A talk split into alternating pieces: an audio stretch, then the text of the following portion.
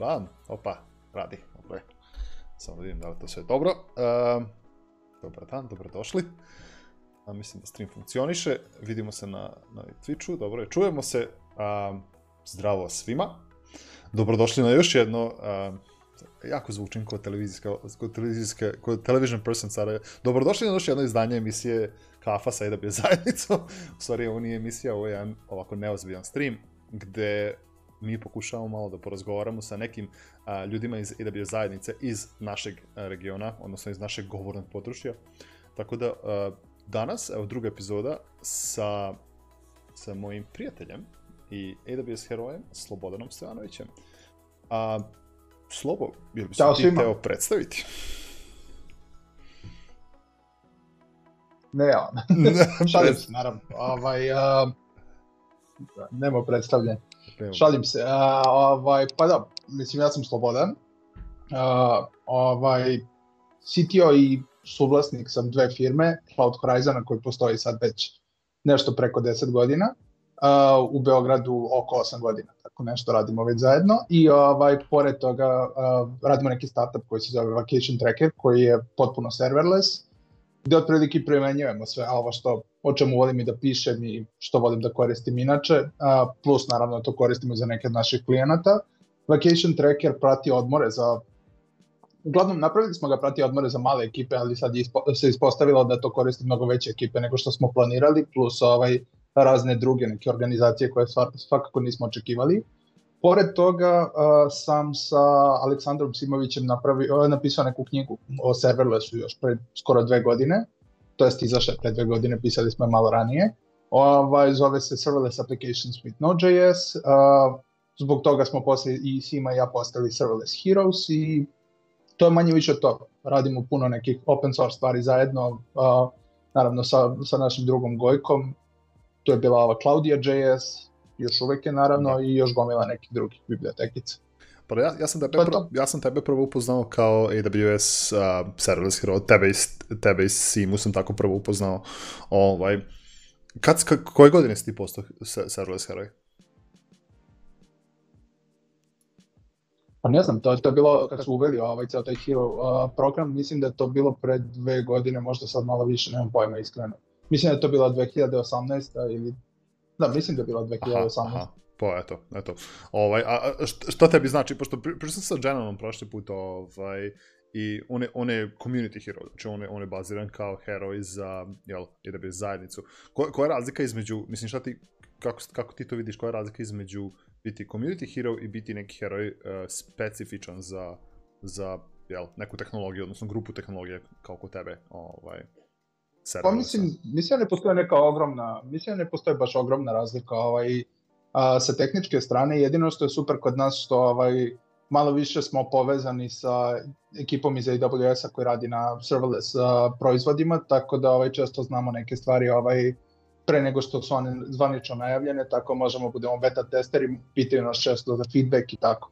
Ali mislim, malo je samo fokus ranije sa te strane, ovako generalno, mislim da nema neke velike razlike. A, i Jenna radi baš super stvari, ovaj, mislim imamo super heroje generalno ovaj, na, Slagam, složio bi se. na Balkanu, tako da. Pa da. mislim da je Balkan, znači, što kažu bivše republike, mi imamo najviše heroja pro capita, tako da, eto, uh, imamo tebe, Simu, Gorana, Gojka i evo Džena sada, tako da, ovaj, boga mi smo... Nenov.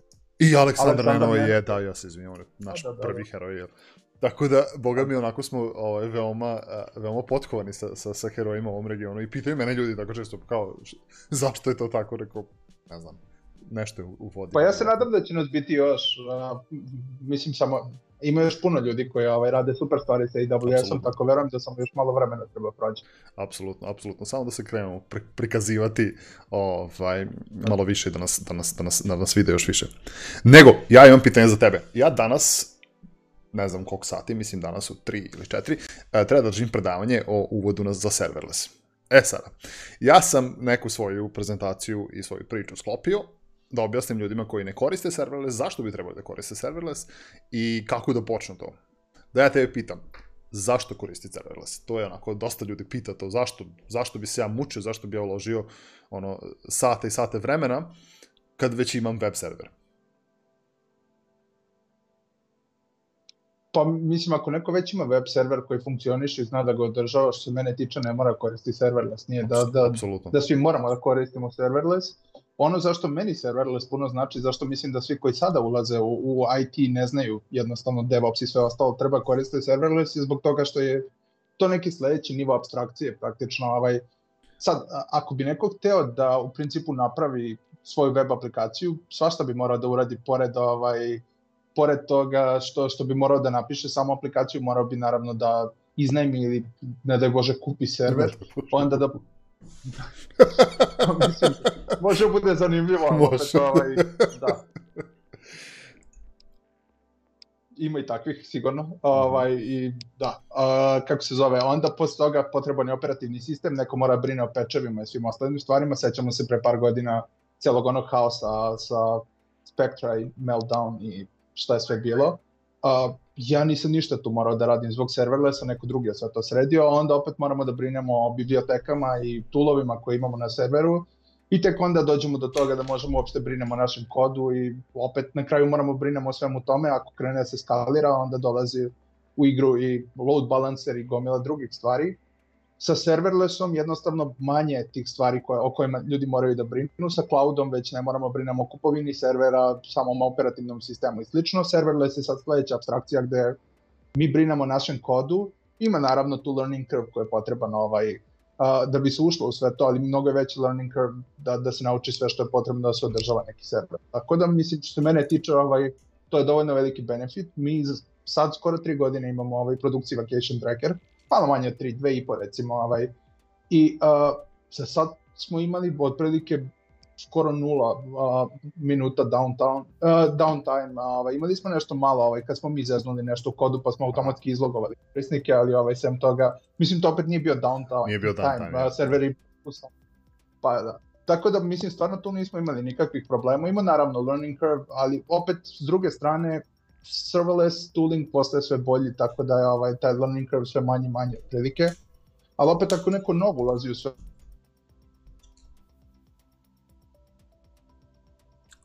Mislim da smo slobu skoro izgubili. E, sad. Možete bolje da prvo pogleda neke njima abstrakcije.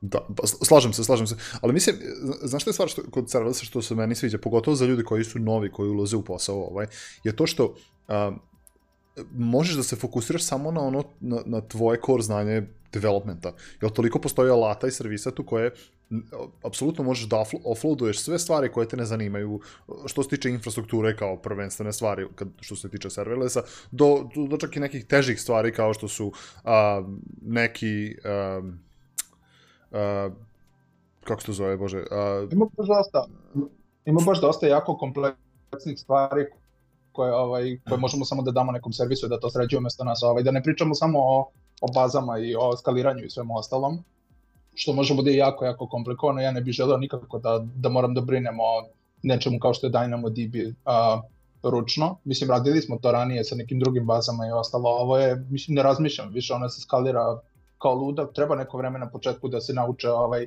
da se nauči kako se ona koristi, treba vremena da se nađu access patterni za aplikaciju, ali mislim to je generalno nešto što je dobra praksa, nevezano za DynamoDB. Dobro je analizirati to pre nego što uđeš u upravljanje aplikacije.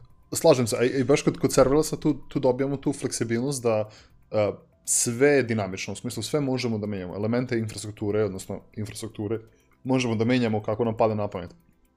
Jer iz neke, da počnemo sad tradicionalnu aplikaciju da pravimo, da, da stavimo na web server, da ovo, a, dobar deo te platforme je mnogo teže menjati nego na, na, na serverlessu, jel? Znači, na serverlessu, jel, što mogu da zamislim da je teško menjati, eventualno je, je, je jezik u, kojem su pisane te serverless aplikacije, ali generalno... Nije čak i to, nije čak i to, zato što ti možeš uvek da koristiš drugi jezik za deo funkcija, za Jeste. nove funkcije, ti možeš polako da se prebacuješ ali opet mislim to verovatno nije pametno sa neke druge strane, ovaj treba održavati dva različite jezika i Tako je. ali mislim opet moguće promeniti to. Imaš mogućnost. Najteži ima... deo koji sam ja video, pa da, najteži deo sa moje strane, ovaj ono što čujem od ljudi, prvo šta učiti, naravno, zato što ima toliko novih stvari, mislim, teško je više shvatiti šta, odakle treba krenuti, a drugo je, mislim, treba malo promeniti sam način razmišljanja. Serverless aplikaciju ne može da pokreneš lokalno, uh, kompletno. Da. Uh, a i ovaj jednostavno mislim moraš malo primeniš svoj promeniš svoj pristup kako gradiš aplikaciju, kako je testiraš i slično. Tako da to su neke stvari koje najveći problem prave ljudima. Tako da, vidimo, evo, Dejan piše da je. ovaj, da, da, Dejan Dimić, inače ovaj, uh, isto radi u Amazonu, on je, ovaj, on nam je baš pomogao na početku sa uh, Jazz Belgradeom uh, i meni Simi i Bogdanu koji je u to vreme bio aktivni uključen i mislim generalno Dek je naš drugi i vjerojatno ovaj, da. jedno, od, jedan od ljudi koji znaju najviše o Amazonu. Tako je. No, Dek, Deki radi, uh, mislim da on radi za sa slagom Alexu. Alexu, da, za Alexu. Nismo mišli da li nešto vezano za IoT, ali tehnički da, jeste. Deki radi za da. Alexu, jeste, e, tako da Deki, Deki je baziran, mislim, u Varšavi, uh, ali, ali da. O, u Gdansku, Gdansku, dobro, Poljska. Ovaj, tako da, ali dobro kaže Deki, kaže change of architecture paradigm. Znači, bukvalno moramo da shvatimo da je arhitektura drugačija, da nije to um, da, da nije to tek tako ono lift and shift na, na serverless. Serverless nije funkcija, serverless nije DynamoDB, serverless je operational model ili, ili, ili da kažem architectural model kompletan. Tako da. Ja tu volim ono, a, ove Wordly mape o kojima ima još više priča nego ja. Da, ovaj, super su zato što lepo ilustruju ovaj, gde dolazi serverless. A, mislim, poenta je da postoje a, Wordly mapa sve stavlja u dve neke, ovaj, kako se zove, stavlja na neku mapu gde imamo dve ovaj ose, jedna je ovaj na y osi je praktično šta je bitno klijentu je na vrhu, value chain, a, ono što je manje bitno je dole, a druga osa pre, a, predstavlja evoluciju i onda sve kreće od nekog Genesisa gde ono kao neko napravi prvu ideju, tako je bilo i sa serverlessom, tako je bilo i sa kompjuterima u krajnjem slučaju u, u vreme Jobsa, otprilike i Bill Gatesa kad su oni krenuli, se sve prebacuje na ovaj, kako se zove, custom build, gde svako pravi nešto svoje, onda kasnije prelazi u ovaj product ili uh, rental, gde mi možemo da iznemimo ili kupimo nešto i na kraju prelazi u ovaj, kako se zove, sam commodity, gde jednostavno svako može da ima to. E, serverless je pomerio uh, celu tu infrastrukturu i sve ostalo u commodity i onda jednostavno sad da bi koristili to i da bi uopšte mogli da ovaj dobijemo benefite, mi moramo da promenimo naš način korišćenja, inače mislim ništa nećemo dobiti, samo ćemo sebi zakomplikovati život. Tako da kad se nešto da commodity Da, slažem se, slažem se. Ovaj, general, generalno dobijamo te neke servise ili te ne, fu, fu, što mi kažemo fully managed servise, kojima ne moramo da brinemo tipičan primjer toga je, jel, Cognito, u smislu uh, sistema autentifikacije na AWS. Zašto bi neko razvijao kompletno nešto svoje, kad tako nešto već postoji i može da se koristi kao plugin commodity service koji zapravo samo ubode u vašu, um, u vašu serverless aplikaciju. Uh, neko mi je, juče sam mislim da sam, juče sam na Twitteru pitao neka pitanja vezano za serverless i neko mi je, ovaj, Neko mi je napisao da you can put a complete express server into a single lambda function. Uh, Um, kako je tvoje mišljenje o tome? Možeš, znam, postoji ona neka, neki, neki repozitorij gde možeš čitav um, ono, express server da gurneš lambda no. funkciju. A iz moje perspektive to je malo anti-pattern, ali ne znam šta ti misliš o tome. Pa vidim, mislim, verovatno bi rekli da je anti-pattern, ali opet sa druge strane većina stvari koje sad koristim u serverless u nekom trenutku su bili anti-patterns. Da. Tako da mislim, Zavisi, ono, kod AWS ono što sam primetio, ako dovoljno nas koristi neki antipattern, to na kraju oni promene na način da to postane pattern. Da. Pa, pa da, realno, mislim, ako radi posao, što da ne. Tako da, ovaj, e sad, ja, jedino što pa, ja... Upravo to. Jedino što ja ne znam kod ovoga, pošto moje iskustvo sa lambda funkcijama je, ako imaš nešto što duže traje, odnosno nešto što je mnogo kompleksnije, mnogo duže egzeku, egzekucije i to, lambde znaju biti skupe. Um, tako da, tako. I, idealno bi bilo da svaka lambda... ja ne verujem da su one skupe. Pazi, a, mislim, alternativa je opet da ti imaš server ovaj, da. koji će mesečno da se vrti i mislim koji ćeš plaćati minimum 5 do 10 dolara. Da. Verovatno možda nađeš sad i nešto besplatno, otkud znam. Ali uglavnom, a, ono što dobijaš sa ovim je da više ne moraš da brineš stvarno o skaliranju i takvim stvarima. Ne mora to da traje duže. Tvoj, tvoj Express server ima neki mali overhead. Prvo će imati malo duži cold start zbog toga što je ceo tvoj code base u jednoj funkciji. Tako je. Obično imamo dosta od modula, Expressu i slično. Drugi, drugi latency koji imamo je to što, mislim, API gateway već handluje naš, ovaj, kako se zove, sam request, da. a onda unutar Lambda Express server praktično mora handluje taj request još jednom. Imaš dva rutera unutra, mislim, u svojoj aplikaciji koje nisu potrebna. Ali opet, ako neko već ima postojeću Express aplikaciju i želi da krene polako sa serverlessom, zašto ne? Mislim, meni je sasvim ok da postaviš tu aplikaciju u Lambda i onda možda polako dodaš API gateway iznad toga i izločiš jednu po jednu rutu u Lambda funkcije, da vidiš kako jednostavno to ide. Apsolutno, ja bih se s tim složio, pogotovo kad, kad već imaš nešto što, što ti radi posao, a želiš da iskoristiš ovaj benefite lambda, odnosno serverlessa, zašto da ne, zašto da ne, ovo je, mislim, dobar način. Recimo, izvini, ovaj, recimo, uh, TJ koji je napravio Express, zapravo on sad da. radi razne super stvari sa serverlessom, on recimo ovaj, ima ceo proizvod na tome, mislim se zove Apex ili tako nešto, Dobro. tako što ima taj reverse proxy i onda pakuje bilo koju aplikaciju u Lambdu. I mislim u principu za neke stvari to jeste antipattern, ali za manje aplikacije i tako nešto što neko već ima i ne želi da, da uči jednostavno sve ostalo, mislim da je to sasvim ok. Da, da, slažem se, slažem se, definitivno, mislim, jer uh, kompletno restrukturiranje aplikacije u, u, u, u lambda funkciju, zapravo, to jest u lambda funkcije, je zapravo mnogo kompleksno uh, i zahteva puno truda i, i vremena i, i ko, zna, ko zna čega još. Ovaj, i, I baš kad smo kod toga, uh, kako početi, šta, šta je prvi korak, to, to, to isto pitaju ljudi, kao šta prvo treba da uradim da krenem da migram postojeću aplikaciju na, na, na serverless, koji deo da migriram, da li da ono, uzmem core business ili nešto treće, tako da ne znam, ne znam da li si imao neka iskustva sa migracijama, recimo legacy aplikacija na da, da, to je nešto što ovaj to je nešto što radimo, ovaj ne baš često, ali s vremena na vreme. A s druge strane, čak i Vacation Tracker je u prvoj verziji, zapravo uh, Dejan je baš napisao prvu verziju bota koju koristimo, Aha. pošto nam je pomagao vreme, da, ovaj, još uvek imamo taj deo koda u produkciji.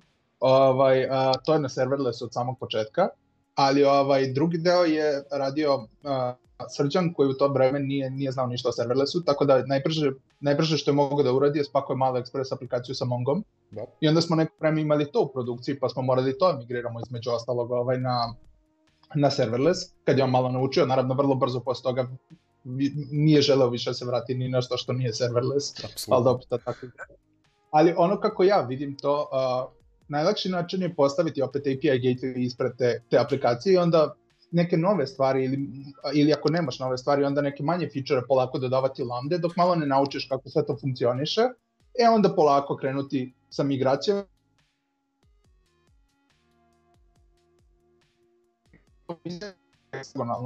često pričam, baš puno pomaže. Jer mislim, ona, ona dozvoljava da jednostavno ta core logika ostane ista.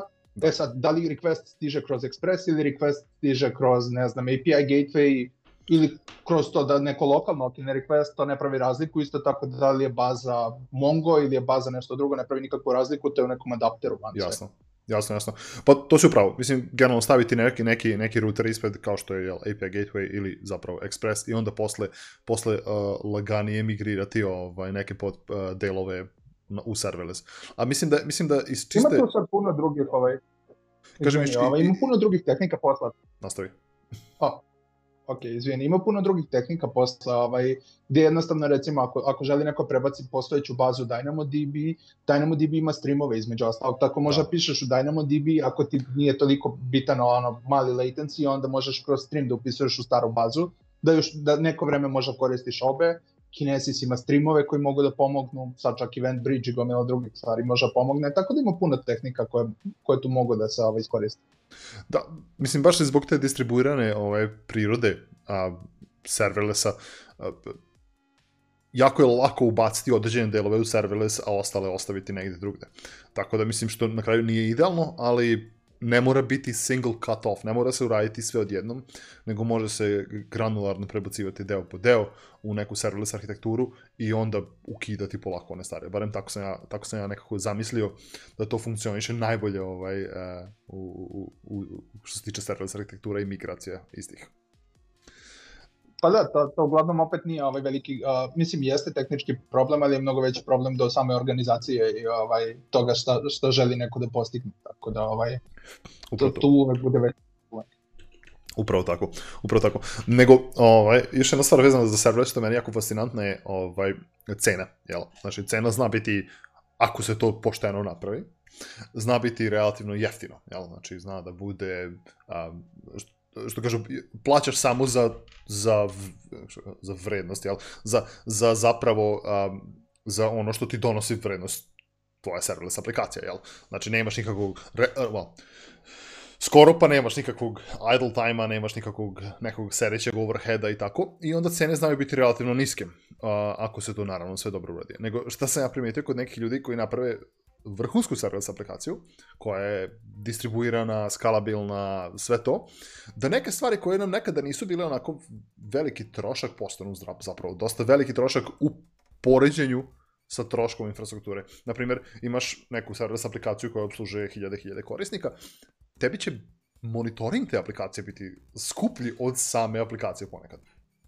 Nama je, nama je trenutno CloudWatch najskuplji, najskuplji deo, ovaj, kako se zove, same infrastrukture, sve ostalo je dosta jeftinije. Znači naša vacation tracker sad u produkciji košta pa negde oko 100 dolara mesečno, što je dalje prilično smešno s obzirom da imamo oko 500 ekipa koje plaćaju svakog meseca. Fantastično. I da, ovaj, prvi godin, nije godinu dana, ali do kraja 2018. Znači, pustili smo ga negde u februaru, martu, do kraja 2018. je koštao 0 dolara, zato što smo bili u, u okviru onih uh, free stvari koje daju. Da, da. mislim, to je ogromna ušteda u principu. E sad, mislim, CloudWatch i sami logovi nas koštaju otprilike najviše od svega i u pravu si, mislim, te stvari koštaju, ali opet, ako hoćeš te stvari da imaš u tradicionalnoj aplikaciji, opet moraš da imaš i neko ko će se baviti tim stvarima. Da. Ovde sad nemaš više tu osobu, a mislim, računamo samo cenu, cena versus cena, umesto cena i osoba koja to radi, ovaj, kad tako uporediš, onda mislim,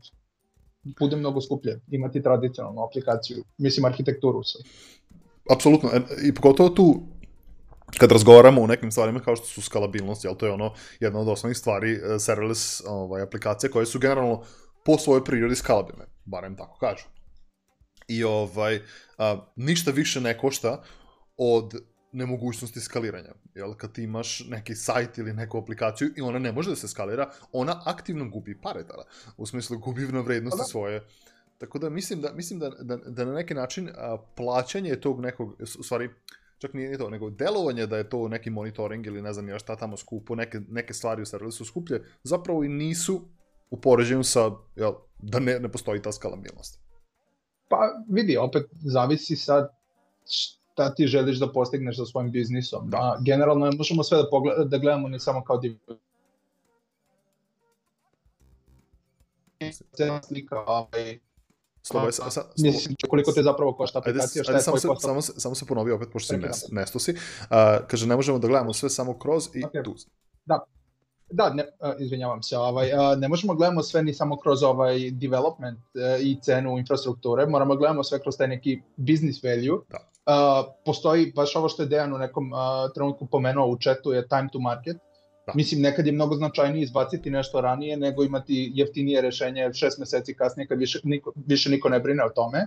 Koliko brzo možete da se prilagodite, menjate sistem, koliko brzo ovaj, možete nove feature izbacite ovaj klijentima, kako možete da testirate nove feature, kako možete, mislim sve te stvari su mnogo bitnije u krajnjem mhm. slučaju samo koda. Naše klijente ne zanima, mislim ne zanima ni serverless ni bilo šta, ne zanima ih kako je napisana naša aplikacija, bitno je da ona radi, da radi dovoljno brzo, da mogu da je koriste i da im rešava problem. i da naravno sve, da ima novih feature i da popravljamo bugove koje imamo i tako to. Sve ostalo, mislim, nije business value yes. same aplikacije, tako da... Pa na kraju krajeva prema vašim klijentima i korisnicima je najbitnije da to zapravo funkcioniše, da ima dobar feature set tako. i da problemi koji nastaju se reše relativno brzo. A mislim da tako. da čitava serverless arhitektura to veoma omogućuje, jel? Zato što pa da. Mnogo je lakše implementirati nove feature u neki neku serverless aplikaciju, čisto iz jel, prirode kakva jeste, a sa druge strane, možda je lakši malo i troubleshooting donekle, se zavisi ako nije jako komplikovana serverless Vidio sam i Vidio sam već i ovaj neke legacy serverless aplikacije gde su neke stvari jako teške zbog načina na koje je napisana, da. ali mislim to, to, to su mislim normalne stvari, to se dešava svuda. Jednostavno ovaj najbitnija stvar je da da mislim, ne pravimo naše frameworke, ne pravimo naše ovaj, stvari koje nam nisu potrebne, nego koristimo nešto što ovaj, što jednostavno možemo lako iskoristimo, što nam rešava posao, jer inače ćemo se zaključati u taj neki lock mislim, tamo lock-in je mnogo manje od nas kao lock-ina. Mislim, to, to je nešto što, ovaj, što nas košta na mnogo više. Pa, pa da, slažem se. Mislim, taj neki vendor lock-in, i to, i to je jako, opet, uvek interesantna diskusija što se tiče serverless, jer serverless po svojoj prirodi je veoma vendor specific. Um, barem ako se odabereš za određenog cloud providera, zbog prirode servisa koje koristiš, jer um, ti, većina tih servisa nisu portabilni tako direktno, ali s druge strane gubiš vendor lock-in, u smislu gubiš, recimo, gubiš um, language lock-in, na primjer, to se meni isto sviđa, što si ti rekao, možeš da biraš koji ćeš jezik da pišeš, jel, ne bi trebao da imaš više jezika odjednom, ali tehnički zbog prirode mikroservisa možeš. I API-ova i ne znam ja čega. Tako da... Pa vidi, nekad je, nekad je ok, nekad neki deo aplikacije mora bude mnogo brži od ostatka aplikacije, okay. možda mora da radi sa drugačijom vrstom podataka i ostalo, pa je možda ok izabrati neš, neki da. potpuno drugi jezik. Pa, to je super, mislim, to je, to generalno e, postoji od kad, od kad ne postoji monolit, jel? Tako da, ovaj, a, to, je, to je sve izvodljivo i super, i mislim da je to na, na serverlessu relativno lako, pogotovo sa lambda funkcijama. Nego, vezano za, za, za serverless i AWS, a, svašta nešto, nekoliko novih feature-a i servisa izašlo u poslednjih par meseci. A, ima nešto što se tebi posebno sviđa ovaj, od tih stvari?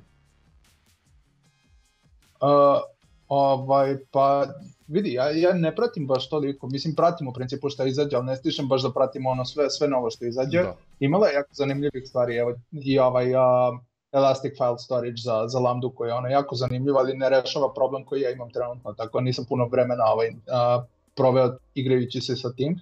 Ono što je meni najviše značilo u poslednjih par meseci je ovaj, uh, na API Gatewayu su ovaj, pustili ovaj HTTP API koji je jako da. lep. Uh, lepo radi, mnogo je lakše uraditi kors i sve ostalo sa njim. Tako da mi je to bilo super. Onda, ovaj, a, pored toga, mislim, super, bilo je super stvari sa Event Bridge-om, stiže još puno raz, drugih ovaj, super stvari, to mi je super. Recimo sad imamo i Schema Discovery u Frankfurtu, pošto da. naša aplikacija, mi koristimo dosta Frankfurt kao region, što možda i nije nekad pametno, ali dobro, ovaj, jednostavno smo tako krenuli, tako da, ovaj, to, to, da. Pa mislim, ali za sada funkcioniše, ok, sasvim sad malo menjamo, ovaj, u drugoj verziji malo više se koristi uh, app sync i tako to, pa, pa imamo malo drugačiji pristup, ali dobro, to je, ovaj, to je za neku drugu priču, ali da, bilo je još puno ovaj, zanimljivih stvari. Uh, ja bih voleo da, da se Sam još malo, ovaj, deluje da, da ga polako napređuju, ali Dobro. voleo bih da on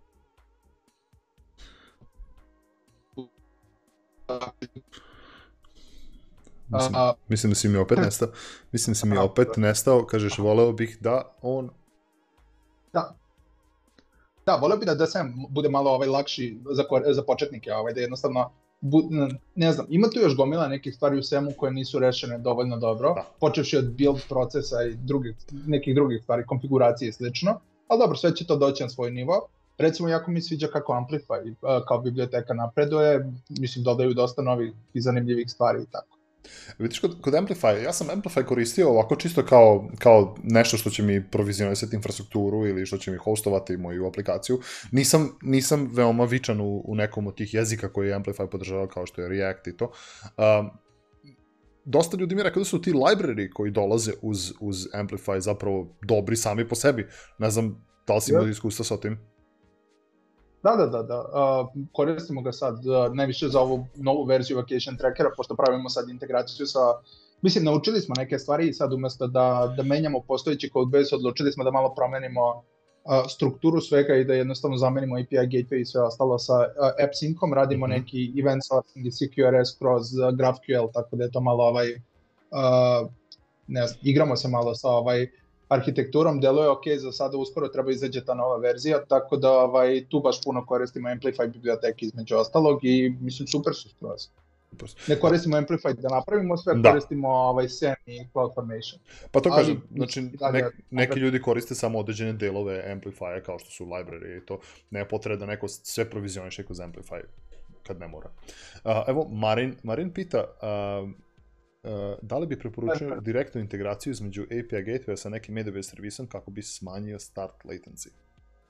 Ja, znam Marina, tako da znam Aha. da on baš opućava ovu vrstu integracija. Da. Ovaj, pa mislim, zavisi opet da li je, da li je bitan latency koliko neko želi da se igra sa VTL templateima, nekad je, mislim, lepo je naučiti to, nama je sad puno pomoglo sa AppSyncom, ali opet ovaj, mi to recimo ne koristimo baš toliko sa samim uh, API gatewayom, nije nam tih uh, taj mali dodatni latency koji lambde koja se uključi odradi nešto nije toliko veće ovaj da nam sad pravi neki veliki problem, a lakše svakako za testiranje i tako to. Ali mislim ako ako imate skillove koje Marin ima i ako znate radite ako znate ovaj VTL definitivno Marin, preporučujem. Marin da. piše odlične blog postove, tako da ovaj, Marin je slobodno da, da, da, da, neki da. blog post ovde u chat, ovaj, čitao sam par njih vezane za serverless, tako da Marin, Marin se ozbiljno bavi sa tim, tako da ovaj, Da, da, da. Jeste, i radi dosta ozbiljne stvari. Jedino kad, kad se ovo radi, ja mislim da je potrebno imati mnogo više end-to-end testova, zato što ovaj, ne postoji onda lak, lak način da testiramo da li naša aplikacija radi sve kako treba. Lako je testirati kod kad ga imamo, kad da. je sve u VTL templateu direktno u YAML-u, onda je to dosta teže. Da. E sad, možda ima nekih boljih tehnika za testiranje svega toga, ali ovaj, ja ih iskreno ne znam, tako da ja mislim da, ovaj, da tu end-to-end -end testovi zapravo pomažu. A što se tiče testiranje, uh, jel, serverless aplikacija, uh, ja iskreno ne znam koji bi neki alat ili, ili servis mogli da koristimo za neko veliko integration testing, osim, uh, zaboravim kako se zove ono, ono uh, onaj servis za integration testing je nešto na S. Uh, Ima Cypress? Mislim, vidi, mi ono što koristimo, uh, pa, evo ti šta mi koristimo. Za unit i ovaj, integracione testove mi uglavnom koristimo Jest, koji je Jest, da. Ono, prilično, da, prilično standardna JavaScript stvar sada. Došao je sa Reactom otprilike, ta ista ekipa ga radi, ali to je nastavak nekog uh, Jasmina koje smo ranije koristili, tako da je super skroz. E onda za end-to-end testiranje može da se koristi isto Jest ako ne želimo UI, a može da se pređe na Cypress koji je jako lepo, ovaj, koji, koji testira UI i može testirati end-to-end testove, koja je samo jednostavnija verzija Selenium otprilike i tako. Mislim sad zavisi, da. Ali u principu ono zavisi šta želiš da testiraš ovaj, i, i na koji način, tako da ovaj, i dalje može koristiš iste toolove koje si ranije koristio ovaj, bez, bez većih problema. Tako, ja, ja, sam, ja sam čak gledao, ovaj, ako neko hoće, pošto, jel, um, lint, linting testiranje sve zavisi od jezika koji iskoristite u vašem nekom CI/CD pipeline, to može biti Jest između ostalog za statičke testove, veoma, veoma sposoban alat, ali viđao sam da ljudi uh, na AWS-u za neke integration testove zapravo koriste lambda funkcije. Uh, lambda funkcija može da odradi određene stvari što su vezane za integration testove i pogotovo se koristi unutar uh, code pipeline-a, Lambda funkcija može da pošalje nazad code pipeline-u ko, da li je uspešan test bio ili nije, s time da prekine pipeline ili ne. Tako da, ovaj, i to sam vidio kako funkcioniše, mada je, pretpostavljam, mnogo kompleksnije nego neki Cypress ili Selenium. Tako da, ovaj, ali da, pošto je mnogo više low level. A, pa, to je super stvar, Da, to je super stvar koju je napravio Michael Hart, ovaj, koja se zove LMCI. U principu ovaj, kompletno je napravljen u, u Lambdi i da. mislim možete cele, ceo svoj pipeline da imate u Lambdi i da, da jednostavno ceo svoj pipeline skalirate sa kako želite i tako to. Tako da jako zanimljivo. Pa super, super. Nego, koji je tvoj sad najveći, neki, daj mi neki wishlist, šta je bi uh, hashtag AWS wishlist za, za serverless ili za bilo šta generalno, šta bih volao da vidim, da vidiš na AWS-u sad u, u sledeće ne, neko kraće vreme? Pa vidi, mislim, ja nemam više puno nekih stvari koje mi baš fale za da. pravljanje aplikacija ono, iz dana u dan. Jasne. Ima tu gomila nekih sitnih stvari vezanih za razne servise, ali otprilike najviše bi voleo da, da malo ovaj, dodatno porade na, i na dokumentaciji i na, na primerima, pogotovo za početnike, zato što nekako nam je to najveći bottleneck, kad dodajemo nove developere u tim i tako to, ako ne znaju serverless, jednostavno najteže je nekako naučiti sve to i krenuti. Uh, principu tooling treba da bude malo više nivou i da i možda vizualizacija samih same infrastrukture, to je nešto što ovaj što je dosta bitno, a AWS to još uvek ne radi baš dobro. Probao sam par puta eksportujem onu default mm -hmm. CloudFormation designer uh, mapu da, da pokaže kako sve izgleda i mislim nije, nije. Cloud izgleda baš prilično strašno. Da, CloudFormation designer je alat koji je postojao kad sam ja došao i da bio pre 4 godine i postoji. Otprilike ja ga nikad nisam koristio. Uh, mislim da sam ga jednom koristio da, da, da konvertujem svoj YAML, JSON u YAML i onda sam provalio da postoji alat na command line u kojem mi to radi. I to je to. Ona, ona, ona, ona vizualizacija je... Mislim, razumijem šta hoće da uradi, ali... ali... ne može da kažeš, ja mogu da kažem, ovaj, užasno je, Dobro. ovaj, ne radi to što treba da radi. ne radi, pa ne radi, mislim, ja, znaš, ako kažeš ljudima kao, e, vidi, napravit ti, napravit ti diagram šta si napravio, neće ti napraviti diagram, napravit ti neku grafiku koja na neki način spaja neke elemente koji, koji su tamo ispisani, ali nije to to, nije to ono što, što neko zapravo očekuje. Super. Da, super nova stvar koju sam vidio pre neki dan su, uh, je neki tool koji su napravili Jeremy Dali i on je isto Serverless Hero. Da. Znate ga možda ovaj, po, kako se zove, uh, po newsletteru, ono, koji, koji radi podcastu, ovaj, koji je dosta poznat. Uh, I Stacker je isto neka ekipa koja radi baš ovaj, uh, serverless alat za vizualizaciju i šta već, ono vizualno pravljenje serverless aplikacija. Napravili su mali tool za vizualizaciju paterna, gde jednostavno možete vidite jako lepo kako sve to izgleda, kliknete na svaki deo i ovaj, jednostavno vam ovaj, pokaže a, ne znam ono, šta svaki deo aplikacije radi, tako to mogu probam da nađem link pa ću ga pastovati u Ja sam otvorio Stackery.io ovaj, kao taj alat. Mislim da je ovaj, kod Jeremija na blogu, sad ću pogledati.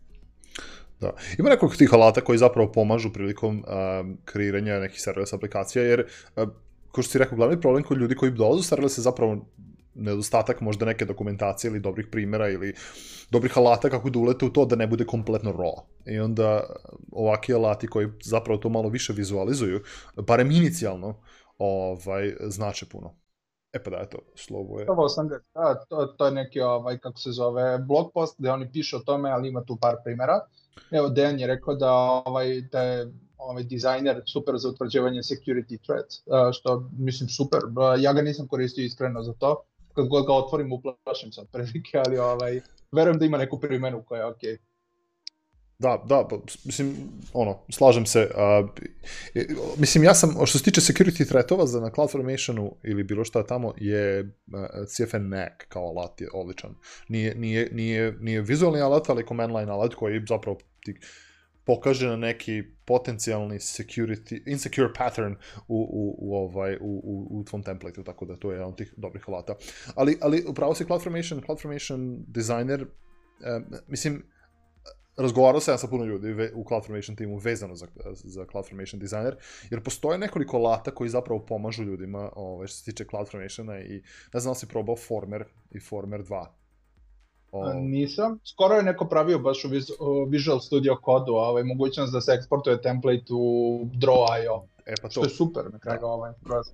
Ali recimo Former i Former 2 uh, u stanju je zapravo, Former 2 je u stvari u stanju da uzme trenutne resurse koji su deployeni u tvoj AWS account, ne sve, i da od njih generiše CloudFormation template. Former 2 je bukvalno, bukvalno uh, open source verzija CloudFormera koji mi imamo, koji je u beti već od vajkada. Tako da ovaj, neko je odlučio to zapravo da napravi. I postoji ovaj alat koji se zove console recorder. Console recorder zapravo može da uh, konvertuje sve što klikćete po konzoli u neki od infrastructure as code servisa, tako da veoma interesantan alat, opet um, neki, neki third party alat koji postoji, nije, nije naš naravno. Vidi, ko, ko zna šta to, ko zna šta to napravi na kraju, pošto ja kad klikćem po konzoli, ja napravim potpuni haos, ne znam da se snađem tamo, to je ono... pa, da. za, za, za veoma jednostavne stvari radi dobro, recimo ja sam kreirao, ne znam, um, Elastic Load Balancer ili tako nešto, neke jednostavne stvari, EC2 instancu, to će uhvatiti. Da. Ali ako sad ti klikćeš, tražiš 100 godina, neće baš da pompapti sve što, što si uradio, ili barem neće dobro, neće dobro uraditi. Čak, čak, interesantan je alat, pošto kada, ako ga koristiš sa E, ako, pošto može onda eksportuje više stvari, možda eksportuje u Boto 3 i ne znam ja šta, ako, onda, kad god otvoriš novu konzolu, on će raditi describe call na sve, tako, tako da, ovaj, e, malo je onako interesantan, ali, ali to je pisao, hmm, ja znam da ga pratim na Twitteru, ovaj, on, on je pisao taj alat i veoma interesantan, tako da ovaj, smo par puta se čuli preko Twittera vezano za to. Pa da. Pa dobro, ovaj, nego, inače, svi u chatu, ako neko ima neka pitanja vezano za slobu ili za serverless ili šta god, ovaj, tu smo mi otvoreni da odgovorimo na to. A dok se neko smisli, a, šta bi ti, Slobo, predložio prvom ko, ko sad pokušava da počne sa serverlessom, jel, hoće od sutra je odlučio da ili svoju neku legacy aplikaciju migrira na serverless, ili sad će kompletno nešto novo da piše u serverlessu, gde da počne, onako, literally, gde, u, šta, koju knjigu da pročita? Ili, ili šta god. Pa vidi, da, mislim, možda, možda bi bilo dobro pročitati na početku Gojkovu knjigu, Pre, predložio bi naša, ali naša koristi ovaj Claudiju, tako da, mislim, definitivno je spremna za neki refresh.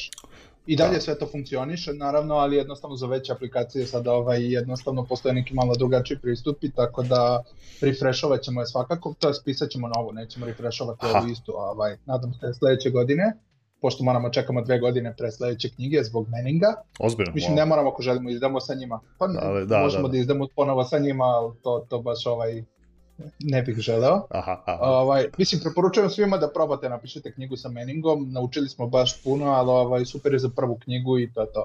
A, generalno, Gojkova knjiga Running Serverless je, mislim, jako dobar resurs za početak, pošto ovaj, koristi SEM, prolazi kroz puno ovaj, jako zanimljivih koncepata, kreće od Lambda i uključuje puno drugih nekih stvari, servisa od S3-a i slično, onda priča o CI/CD-u, testiranju i slično, tako to definitivno preporučujem.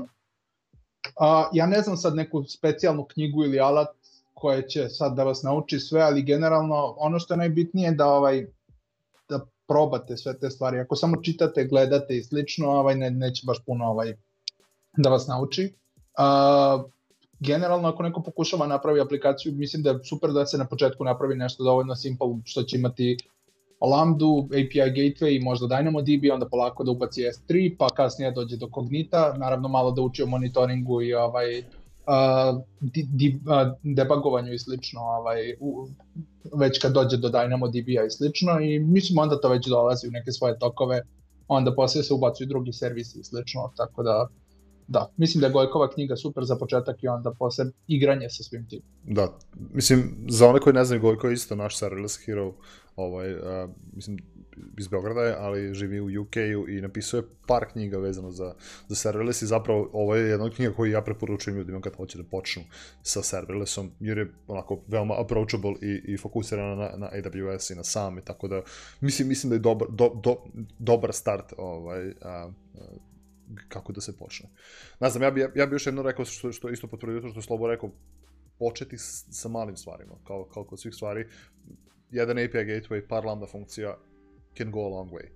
Um, na kraju krajeva, ako imate statički sajt, ako imate neki sajt koji ne, nema neki ozbiljan CMS u sebi, kompletno taj statički sajt može da bude serverless.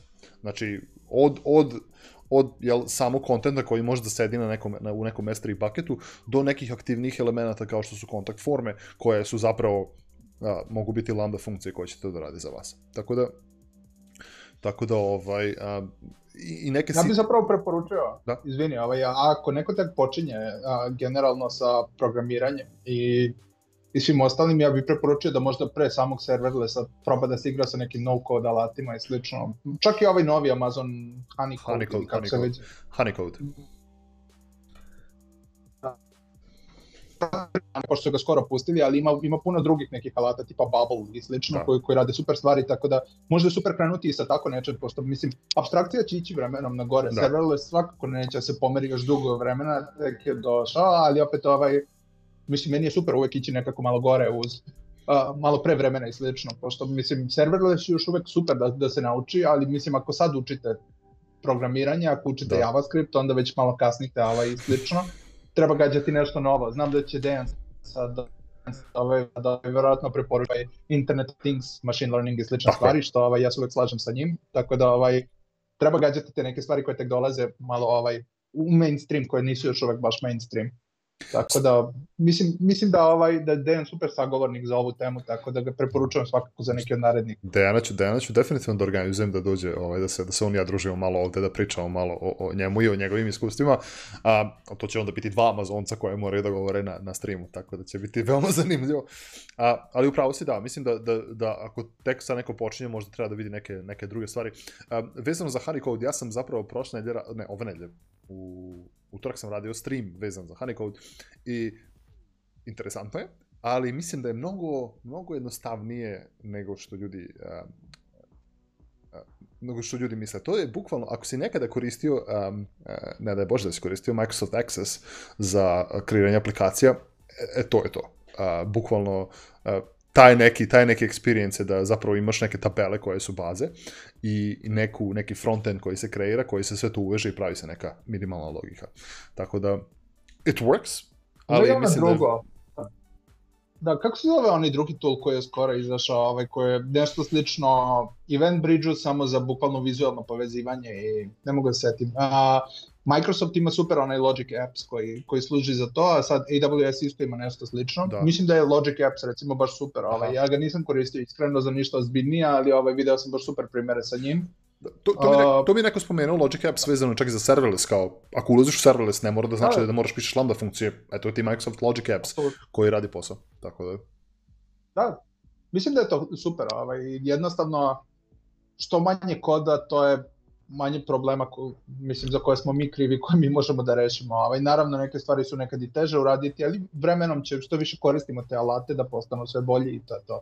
Ali znaš ako mi smo inženjeri i mi volimo da kodiramo kad nam neko uzme kod, to je ono kao atak na mene, ne, ne, nemoj, don't, don't take my job i to, znaš, ali da, nije, menja se to sve. Nekad, smo, nekad sam ja bio sistem administrator, a mislim da sistem administratori su sorta koja odumire u veliko. Pa vidim, mislim, imaće, imaće oni još posla uvek. svakako, ono, mislim, postoje ono, mainframe-ovi još uvek aktivno postoje, tako će gomila drugih stvari, a postoji još dugo, ali opet ovaj, ako neko sad počinje, svakako mu ne bi preporučio da ulazi u to, Tako je. To je super je ona knjiga uh, uh, Escape Velocity i uh, jer objašnjava da objašnjava sve proizvode u neke četiri faze. Prva faza su proizvodi koji su uh, koji sad zarađuju novac otprilike u koje treba ulagati puno i mislim to je to je recimo ajde kažemo mislim Lambda sad već je C2 i slično. A, druga faza proizvoda su oni koji će tek za možda dve godine potrebno je ulagati puno u marketing, razvoj i sve ostalo, tek za dve godine će se isplate, u njih ljudi manje ulažu. Treća faza su research and development i četvrta faza su proizvodi koje koji otprilike ovaj i dalje rade nešto što ljudi što je praktično izumrlo, ali još da. uvek deo ljudi to koristi, tako da mislim i tu je potencijalno i tu može dugo da se zarađuje od toga, ali opet to je malo dosadnije i Jeste. mislim ko sad nauči, ne znam, Fortran i slično, verovatno će imati posao ovaj, da. još duže vremena, ali jednostavno Da. Fortran i Cobol su u veoma specifičnom, specifičnom mestu sada, pošto toliko, toliko ovaj ljudi, a, toliko postoji, barem u Americi, koliko ja znam, ovaj, postoji toliko sistema koji rade na Cobolu i dan danas. Pa ovaj, da. Tako da su Cobol programeri zapravo postali veoma cenjeni, pošto ih ima da. sedmorica otprilike. I, ovaj, pa jeste, da... ali mislim, ko će nov da uči to, to je ono... Upravo to. Mislim, ne znam, ovaj, upravo si potpuno i mislim da, mislim da, da neke, neke uloge, što kažu, ovaj, nestaju, ali nastaju nove. Ali i te koje nestaju će postojati još neko vreme, ako je baš neko toliko uporan ovaj, ovaj, da, da ostane na tome. Moj, jedino sa, moj savjet je uh, nađite nešto novo što vam se sviđa and just go for it. Jer ako ste inženjer u duši, jer što kažu, inženjer nije inženjer nije, nije titula, već je stanje uma, tako da ako ste inženjer u duši, sve, će, sve se može naučiti vremenom, tako da, ovaj, definitivno. Pa dobro, Slobo. E, pa ništa, hvala ti, hvala ti jako puno, hvala ti lepo. Baš mi je bilo drago, smo se uspeli malo ispričati i što smo eto podelili neka svoja iskustva i malo smo, malo smo za, zagrebali serverless, da kažem, um, na, na ovom I popili smo kafu na kraju krajeva, ja sam svoju, svoju satro. Ja, ja tvoju, nažalost. E, eto, vidiš. A, tako da, um, pa ništa, a, imaš li nešto što bih volio da podariš za kraj, ne znam šta, ne znam da li imaš neki tokova koji dolaze, pošto, jel, Sloba isto veliki govornik po raznim eventovima, ne znam da li ima nešto što dolazi uskoro, a, neki virtualni event pogotovo. pa vidi, hoću da se zahvalim tebi, ovaj, a, mislim da je super ovo što radiš i ovaj, nadam se da ćeš nastaviti još dugo, pošto ima puno zanimljivih ljudi na Balkanu. Da. A, tako da, ovaj, mislim i šire koji, koji govore naš jezik, tako, tako da mislim da je super skroz, hvala puno.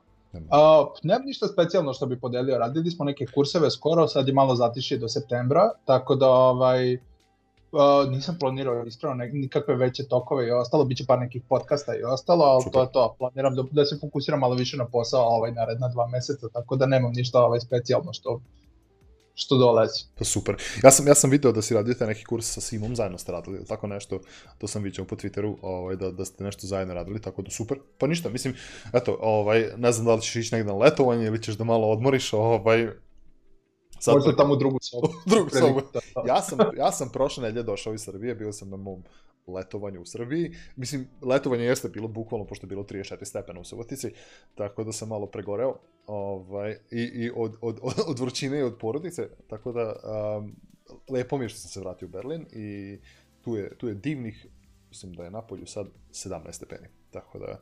Ej, ovde je malo prijatnije sad. Znači, prošla nedelja je bila baš topla, ove nedelje je malo lepše. Uh, reci mi, je li imaš karantin sad obavezan ili kako to Dve nedelje ne smem iz kući izaći, tako da, ovaj, evo, došao sam, u nedelju sam došao i dve nedelje moram da budem u kući.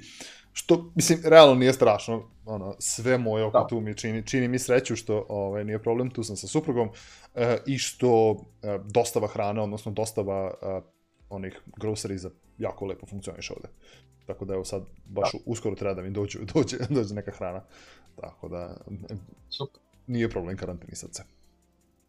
Kaže, Mar, kaže Marin 40 stepeni u Budvi. Aj, jao. Neka Marine, hvala. ja ću ipak ostati ovde. Da, mislim da ćemo preskočiti more ove godine. Preskočit ćemo more. ja mislim. Ja ću možda otići eventualno na, Baltičko more, ovde da vidim, kažu, kažu Nemci da je lepo, ali ne verujem, ne verujem im još, tako da moram, moram da proverim. Um, Slobo, hvala ti još jednom puno. Bilo mi drago što mi bio moj drugi gost. Um, ti ja se nadam se vidimo se nekom prilikom okay. uživo, pošto tako, tako smo se najčešće srećali, da dođem uh, na kafu kod tebe u... Gde smo, kako se zove ono fino mesto da smo pili kafu, gde je bio Coffee Bili smo u kafeterija, mislim. Bili smo u kafeteriji? A, a, to je kao kofein. Kofein, e, tamo, tamo. A, tako, je. tako da kad prođe ova korona i sve ostalo, ovaj, Slobo organizuje jednom u nedeljnu ili jednom u dve nedelje ili tako nešto, neki veoma neobavezni meetup uh, JavaScript developera u kofeinu u Beogradu, tako da jako je interesantna ekipa i jako sam ovaj, se osjećao welcome tamo kad sam bio, iako nemam veze sa JavaScriptom. Tako da... Pa da. Event generalno nema puno veze sa JavaScriptom, da. generalno priča se o svemu i svačemu, poenta je da se skupimo jednom u dve nedelje, popijemo kafu zajedno ujutru i pričamo o čemu god želimo, dođe jako zanimljivi ljudi, sad je nažalost to na pauzi, na neodređeno vreme, da. ali pratit će se sve koliko toliko normalu, pa ćemo nastaviti. Super. Svi ste dobrodošli, naravno. Apsolutno. Slobo, hvala još jednom. Um, želim ti hvala. prijatan ovaj, dan i eto vikend sad koji dolazi. Hvala takođe. Hvala. Ćao. Ćao svima. Ćao.